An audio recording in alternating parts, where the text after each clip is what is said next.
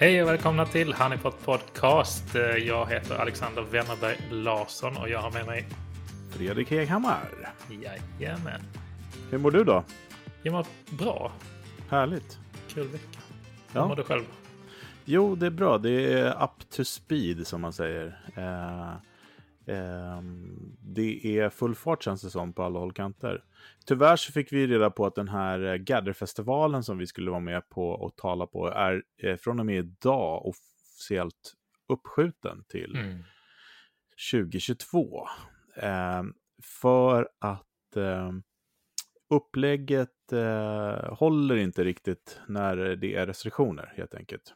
Just det.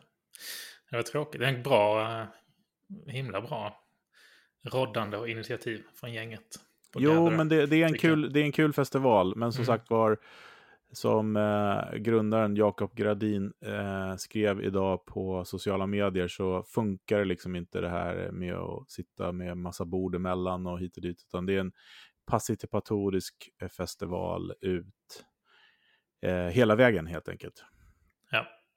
Och restriktionerna eh, som eh, nu, om jag har förstått rätt, kommer hålla i till eh, årsskiftet funkar inte riktigt. Nej. Men håll, eh, håll koll på Gather Festival. Ni kan gå in på gatherfestival.com. kan man säkert prenumerera eller någonting. Absolut, och annars är det 24-25 september 2022. Det ser vi fram emot. Vad ska vi prata om idag?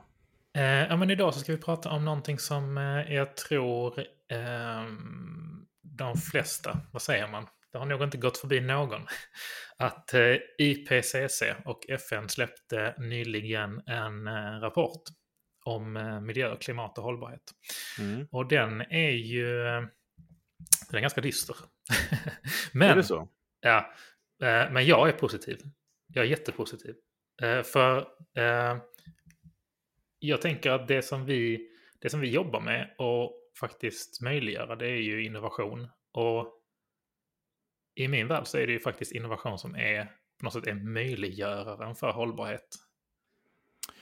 Ja, eh, det håller jag med om. Eh, och tyvärr så är ju vi människor, vi funkar lite grann så att eh, vi, eh, vi tar inte tag i saker, eh, alltså nu pratar jag om mänskligheten i stort eh, Mm. och generaliserar jättemycket såklart. Men med de här riktigt stora problemen, först det är, ja men först man nästan dör så att säga. Mm. Eh, och man brukar inte säga det, att det, människor börjar inte leva förrän de får det här beskedet om att de är döende. Eh, och lite så är det väl med klimatet också, eh, helt enkelt. Det är, det är på allas agenda nu, en del förnekar och en del, ehm, eh, ja, det, vi måste göra något helt enkelt. Vi ja, men definitivt. lever Nej, lite måste för mycket. Ja. ja, men vi måste liksom helt tänka om och tänka nytt ju. På ganska många plan och det är ju precis det som innovation handlar om. För mig det är ju att göra nya saker som skapar värde. Ehm, och det, det finns en ganska tydlig, det finns en rolig koppling. Jag läste en, jag läste en studie från eh, Harvard ehm, nyligen som sa att de hade tittat på massvis av företag och sa att organisationer som är ledande i sitt hållbarhetsarbete, de är också ofta ledare i innovationsarbetet. Och det Okej, finns ett ja. ganska tydligt samband Mm. där.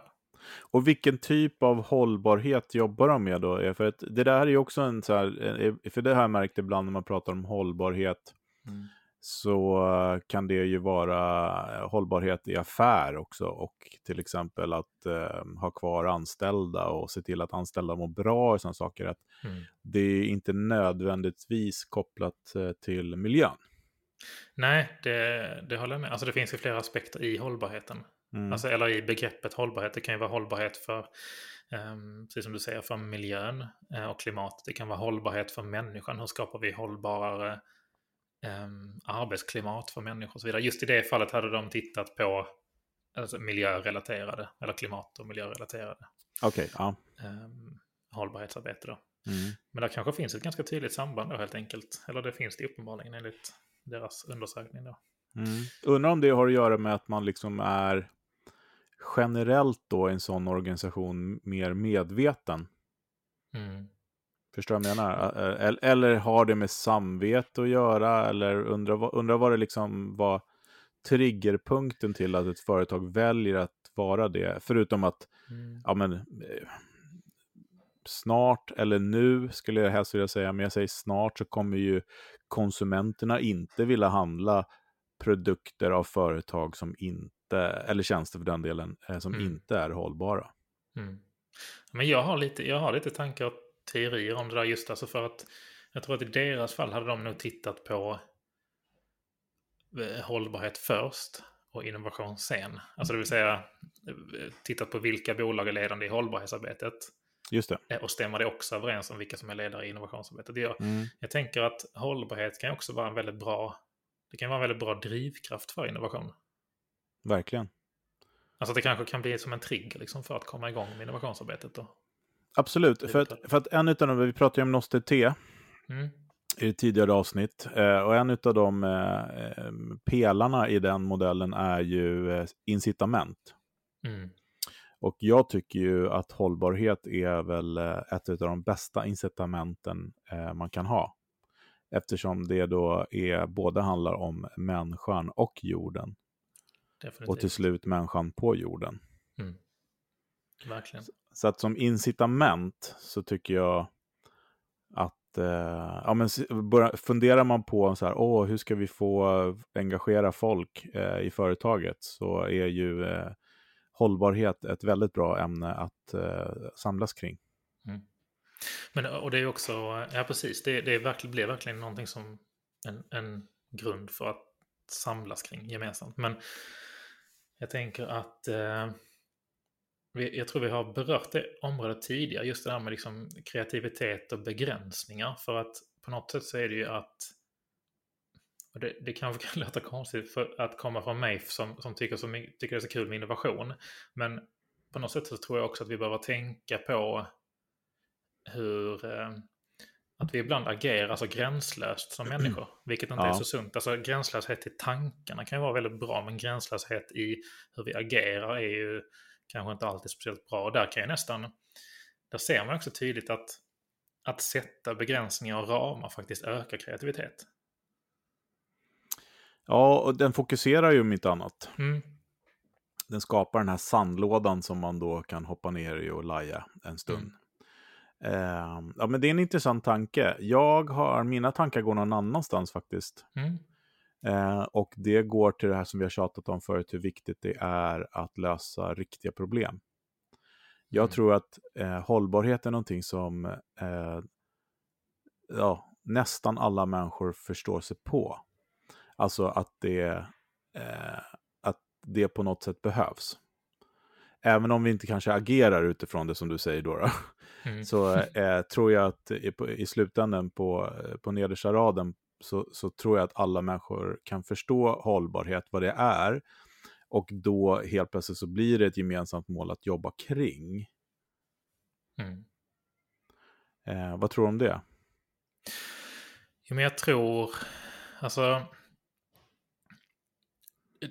du, du var inne på någonting tidigare, just det där med kunder exempelvis. Att de, de kan inte tänka, man kanske ändrar sitt beteende, vill inte handla produkter och tjänster och ja. inte hållbara. Men det är likadant med, med människor, alltså med, vad ska man säga, människor alltså i, i form av eh, eh, arbetstagare, alltså medarbetare. Mm. Um, att man ser det som ett viktigare och viktigare kriterium hos arbetsgivare med liksom hållbarhetsarbetet och det sociala ansvaret som ett företag tar och så också. Så att Absolut. Jag tror att det verkligen är någonting som håller på att um, liksom, trycka på ordentligt nu. Att man, man vill kanske inte jobba för bolag som inte um, vill driva på det sociala ansvaret och hållbarhetsarbetet heller.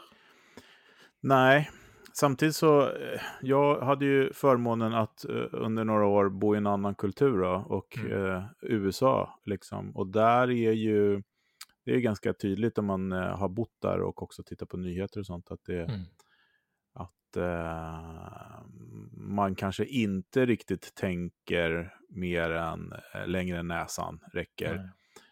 och att man ja, tvingas lite grann av att tänka väldigt kortsiktigt. Och jag vet, att jag själv satt och hade lönesamtal med människor, då var jag liksom ändå inom kommunikationsbranschen, så vi, det var liksom ganska lyckligt lottade människor som gärna väljer bort eh, health insurance för att få några dollar till på fickan.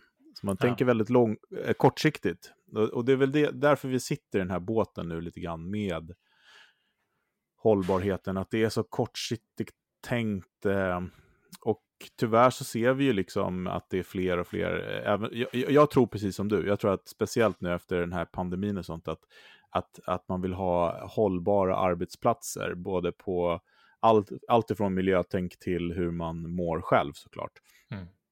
Men däremot så ser jag också varje dag poppa upp nya verksamheter, typ Amazon, där folk kommer in och jobbar som galningar med jättelåg lön i, i några månader och sen försvinner iväg till nästa ställe och, och sådär. Så, så jag tror att det, ytterligheterna kommer vi se. Mm.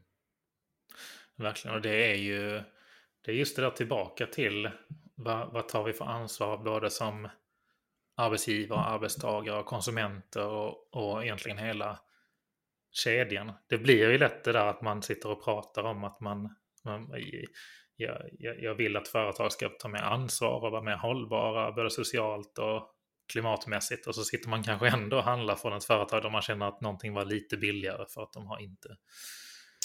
Ja, mm. precis. Det, det, det, man måste tänka holistiskt. Problemet är bara att man börjar göra det så blir man galen. För att mm. det, man, man ska helst inte äga någonting Eh, och man ska helst inte äta någonting och helst inte dricka någonting. om man vill vara riktigt sådär. Eh, men jag tror också, jag vet inte, vi kanske har pratat lite tidigare om det här också, men eh, det är väl också där människan har ju strävat, eller hela världen har väl strävat till att vara mer så individualistisk de senaste åren. Och tyvärr har väl det också fört med att folk inte är så solidariska och inte tänker på varandra. Och det tycker jag vi verkligen ser en frukt av just nu i världen. Eh, och jag tänker mig att om man skulle tänka lite mer på varandra så skulle det också, den här hållbarheten, eh, må bra av det. För att det är mm. bara tillsammans som vi kan lösa det. Verkligen.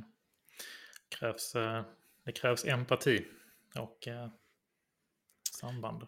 Jo, eh, och, och jag kan ha haft, hamnat i många diskussioner med folk om det där med Ja, men eh, till exempel Sverige är ju en väldig förebild när det kommer till just hållbarhet på alla möjliga håll och kanter. Men eh, ja, till exempel inom miljön då, och bränsle och sådana saker. Men eh, likförbaskat så låter vi liksom eh, utländska fartyg ligga i våra hamnar och spy ut samma diesel som vi själva inte ens köper in. Och då blir det nästan som att, ja men det är ju inte våra problem. Men det är det ju visst det. Jorden ja. är ju rund, tror jag på i alla fall. Jag vet inte hur du? Ja, det är, är, du, är du platt eller rund? jag, jag tillhör inte det här Flat Earth Society. Nej, med members all around the globe. Exakt. eh, nej, eh, skämt åsido. Eh, så... Eh, ja, men man måste tänka holistiskt. Men det var Margot Wahlberg, heter hon va? Wahlström. Margot W. Usch vad dumt. Ja, okay, ja, ja. ja. men ni vet. Eh, EU, eh, för mm. detta socialdemokrat, eller det är hon kanske mm. nu, hon är, det är hon väl fortfarande. Men eh, hon, hon berättade just inom EU då, det hennes jobb som hon har gjort där, att det handlar mycket om att Sverige ska vara en förebild. Det, under den hela den här debatten där eh, framför, ja, andra partier har eh, liksom sagt att vi borde hjälpa där hjälpen behövs. Och det är mm. klart att vi ska göra det, men, men vi ska också vara förebilder. Och det tror jag är jätteviktigt för inom innovationsarbete, precis som vi har pratat om förut, man behöver en vision att jobba mot. man behöver ett mål och sådär, så det kan vara en bra morot att se att det går. Ja, man behöver ju föregå med gott exempel och det är det som du har nämnt flera gånger med show me, don't tell me. Exakt. I att faktiskt visa och inte bara mm. snacka. Men eh, jag tycker vi, ser, eh, tycker vi ser glimtar av den, eh, samarbeten världen över eh, som ger hopp på något sätt. Mm. Ehm, även om eh, det sker massa tragiska saker i världen just nu också mm. såklart. Mm. men ja, ljuset i tunneln skulle jag säga. Verkligen, och där har vi faktiskt Um, de vill jag faktiskt lyfta lite grann. Det är faktiskt en kund uh, till oss som använder Hives-plattformen för att driva innovation. Vinci med Anders Harling som leder innovationsarbetet där, de har ju faktiskt hållbarhet, miljö och klimat som grund för sitt innovationsarbete. Precis. Det tycker jag är häftigt. Ja. Mm. Nej, men och jag eh, önskar också att det var flera, flera företag som eh, använder vår plattform för just den här typen av arbete. För att mm. Eh, en jättebra grund att sätta upp, till exempel om man är sugen på att komma igång med det här, det är väl att lägga in de 17 globala målen som eh, 17 eh, utmaningar för att samla in tankar och det. Alltså då menar jag eh, att hur de olika målen kan då skapa affär inom, inom sin organisation. Det behöver inte nödvändigtvis vara att man ska lösa världens problem, man kan börja inifrån. Mm. Eh, det är en jättebra start att jobba kring. Eh, för de berör ju både eh, allt ifrån eh, miljö till hälsa, utbildning etc. Mm. Mm. Så titta på dem och hör av er om ni vill sätta upp dem som grund i ert innovationsarbete. Och ni som är igång med innovationsarbetet, hur gör ni med hållbarhet? Är det en punkt på er agenda? Det vill säga, när man tar fram en idé, viktas den också hur pass hållbar den är? Eh, det skulle jag vilja veta. Ja, precis. För det, det, behöver inte vara så att initiativet i sig startar i hållbarhet, utan det kan ju också vara så att använder man kanske det som mätetal eller som bedömningskriterie eller något annat. Så.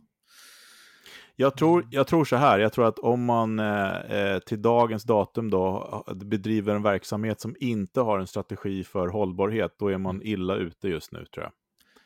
Definitivt. Det, det, eller det borde inte, det måste ligga på allas agenda. Mm. Eh, och sen så som sagt var, eh, ordet hållbarhet omfattar ju väldigt mycket. Allt ifrån psykisk ohälsa till mm. eh, utsläpp. Mm. Det får bli, eh, får bli eh, slutorden för hållbarhetsspaning. Mm, nej, men hur gör ni? Dela gärna mm. med er, kommentera, mm. hör av er. Det tycker jag. Vi, eh, vi har en skåning som ringer in på linjen här. Okej. Okay. Lilja här. Eh, jag har funderat på en sak.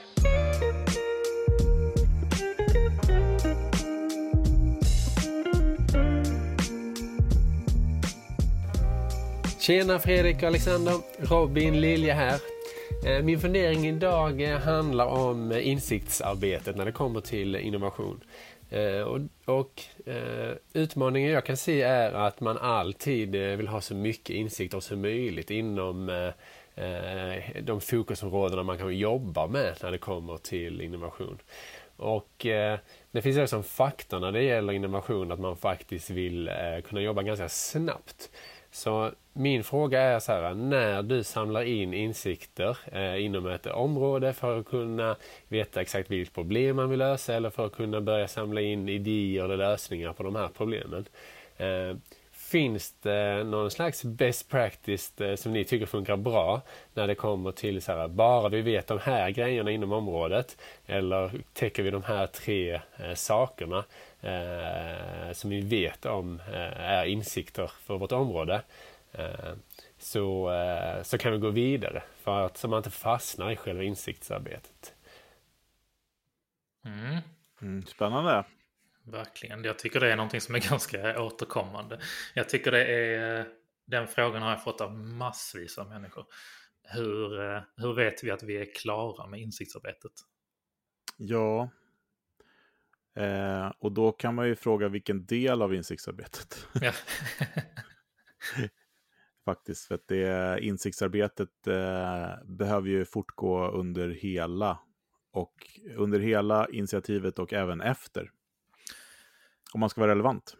Ja, definitivt. Um, Verkligen, och jag tror mycket handlar också om att man kommer, man kommer i, i många fall behöva gå tillbaka och gå framåt och tillbaka och framåt lite grann mm. och, och, och, testa sig fram i insiktsarbetet. Men jag, jag tänker också att en ganska bra tecken på om man nu ska, om man nu ska liksom dra gränserna lite snävare eller hårdare i att man jobbar med insiktsarbete, sen liksom konkret problemdefiniering och sen idéarbete och sen lösning och sen beslutsunderlag. Så ska man då tänka sig att insiktsarbetet går över i, form, i, i någon form av tydlig liksom, ehm, eh, riktning eller, eller problemdefiniering så kan det vara ganska bra tecken att testa den problemdefinieringen på det som är den tilltänkta målgruppen. Att är Ja, det här ett precis. pressande problem eller inte? Och där, eh, och det, jag, jag tycker samma sak. Jag har skrivit upp, eh, ja men vem är det du ska lösa någonting åt? Mm. Det vill säga målgruppen då. Och vad finns det för pains och gains? Det vill säga vad finns det för hinder och möjligheter Mm. med att lösa det? Mm. Där har du allt du behöver och lite till för att komma igång. Verkligen. Och en annan rätt eh, eh, lite kul sak som jag sett flera, flera använda, som jag, jag tycker var väldigt nyttig i de fallen jag har sett det. Det är att när man har eh, när man har definierat en utmaning eller ett problem som man ska ta sig an där som initiativ. Ehm, att man ställer frågan, eller undersöker i alla fall, de som är mottagarna. Hur löser de det problemet idag? Ja, precis. Eh, jag säger applicera design thinking, det vill säga empatisera då med slutanvändaren eller kunden eller användaren eller målgruppen. Mm. Se, observera, vad, vad har, finns det för behov? För om det inte är ett behov eller ett problem som man löser, då kommer det bli ganska tungt. Mm. Eh, det, det sagt så är det ju ibland att man kommer på saker som folk inte vet att man vill ha såklart. Men som sagt var, till vem och eh, vad finns det för hinder och möjligheter? Eh, och då är det så att många gör ju sin ganska så här stor, stort insiktsarbete, går ut och frågar väldigt många och hit och dit och får rapporter och det finns massa företag som gör sånt, kostar massa pengar och tar ganska lång tid. Eh, jag rekommenderar att göra en kort sprint istället eh, med eh, enligt Google-modellen eh, som jag har jobbat mycket med där man har fem stycken då, eh, personer räcker. Eh, för de står för 85% av resultaten. Eh, absolut bästa är om man är van att göra en sån här stor undersökning. Det kan ju hända att man har ett företag som bara tror på att göra sådana stora. Det är att sen verifiera den med att göra en sån här sprint, en kort sprint på ett par timmar, eh, där man tittar på vad händer om vi har med de här personerna i ett rum och pratar med dem och diskuterar och jobbar. För att tyvärr när vi gör såna här, eh, svara på frågor i formulär så eh, hittar vi på lite och ljuger lite. Det är ett stort problem. Eh, har man dem i ett rum och diskuterar och lyssnar och eh, argumenterar så eh, kan det bli Eh, oftast blir det annan data. Mm. Jo, men det kan absolut, alltså, jag kan tycka att insiktsarbetet om något eh, är ju en, liksom, är i innovationsarbetet verkligen ett, ett, ett hantverk. Oh ja. Um, det tycker jag.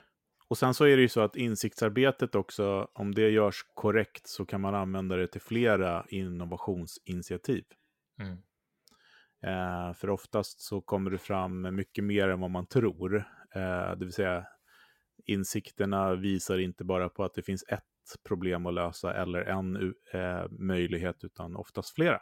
Ja, precis. Och där är väl också tipset att ta en i taget. Mm. Eh, annars blir det oftast varken hackat eller malet. Ja, precis. Nej, men då kan det vara vettigt också att ha någon form av liksom insiktsbank eller liknande. Alltså man kan, det kan man, ju, man kan ju samla det på massor ställen. Man kan samla det på Hives ifall man vill det. Eh, liksom allt det insiktsarbetet man gör så kan man lägga upp det där så har man det samlat och sökbart. Eh, Mm. Ja, men medborgardialoger till exempel, eller det som kallas medborgardialoger, man går ut och frågar folk. Man kan, eh, det finns massa bra verktyg. Hives är ett superbra ställe att samla det i såklart, eh, tycker vi, eftersom det är det vi gör. Eh, och sen kan man, eh, ja men man kan massinsamla via eh, andra tjänster och verktyg, ska man lägga in och vikta där. Eh, men också så kan man ju eh, till exempel eh, prenumerera på trendrapporter. Kairos Future till exempel är jätteduktiga på sånt och titta på vad det är för trender i världen och sånt. Och de trenderna kan ju definitivt hjälpa till att hitta riktning för innovationsarbetet. Men lite som eh, slutsats då. Ehm, hur vet vi att vi är klara med innovationsarbetet? Eller insiktsarbetet, förlåt, i innovationsarbetet. Eh, ja, klar, jag tycker klart, jag tycker när vi är klara tycker jag är helt fel eh, uttryck. Jag skulle vilja säga när har vi, när har vi eh, MVPn för att komma igång? Mm. Ehm, det är när man, ja, men när man vet vem, vem man ska lösa något till och vad det finns för hinder och möjligheter. Perfekt. Det är lite, lite inställningsfrågor helt enkelt. Hur man ser på Ja, för sen så när man väl sätter igång, Mm. det är det jag menar, då kommer det ju då kommer det komma in hur mycket som helst. Ja, och då måste man ta hand om den informationen också. Ja, så att den är löpande. Insiktsarbetet är löpande. Jag skulle vilja säga att när man anser att man är klar med insiktsarbetet och stänger det, då är man illa ute. Mm. Det måste pågå. Eh, och det är det som är hela grejen med design thinking. Det är, ett löpande insiktsarbete eftersom man har olika perspektiv med processen. Definitivt. Grymt. Tack så mycket Robin Lilja för eh, frågan eller för veckans Lilja funderar. Ja, är det så att du har lagt ner saker i godispåsen idag?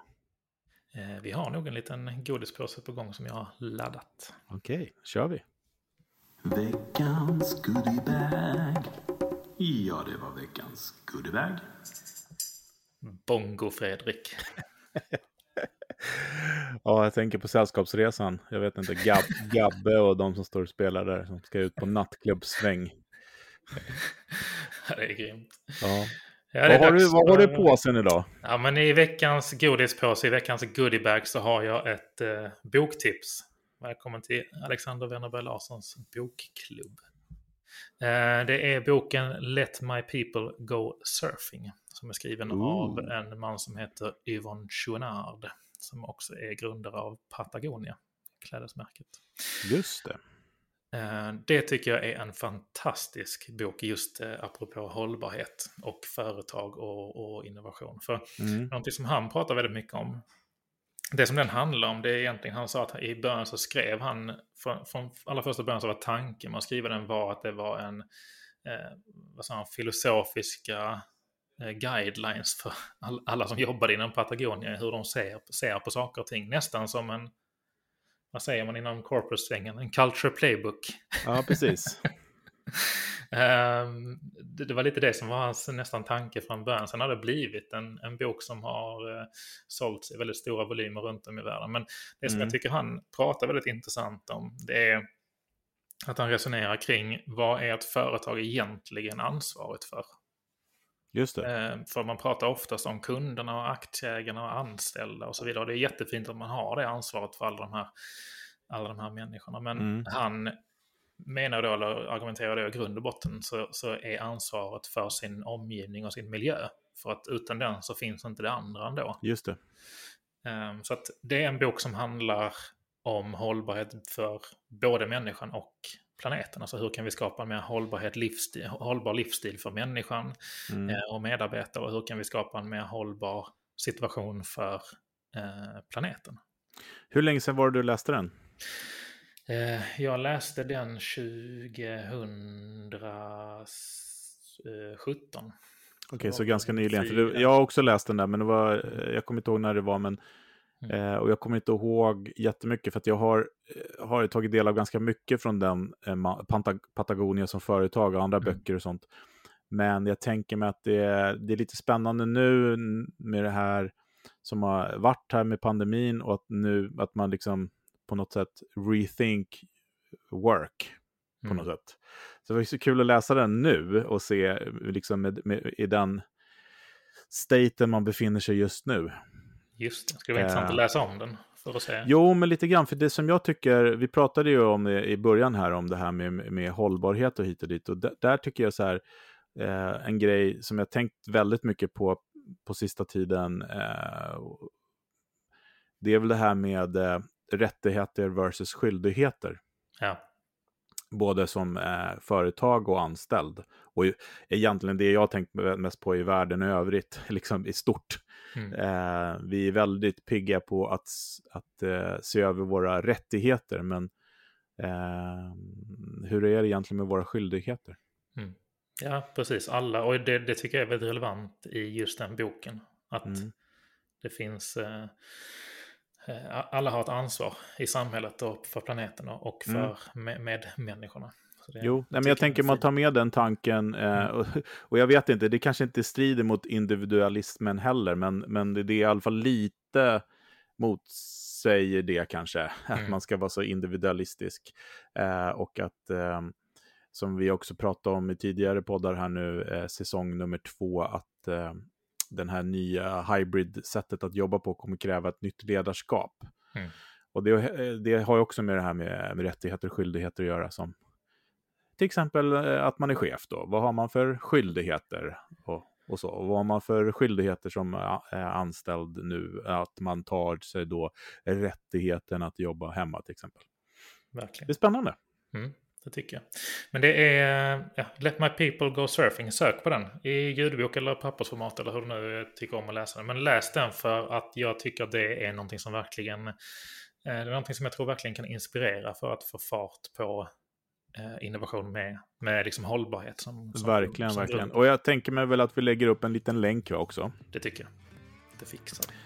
Perfekt. Men eh, hoppas att ni fick med er något av dagens insikt. Eh, ja, dagens insikt. Freudiansk felsägning. Dagens program, skulle jag säga. Ja, visst. Ja. Och eh, ha det gott tills vi ses nästa vecka. Det gör vi. Ha det Hej. Hej.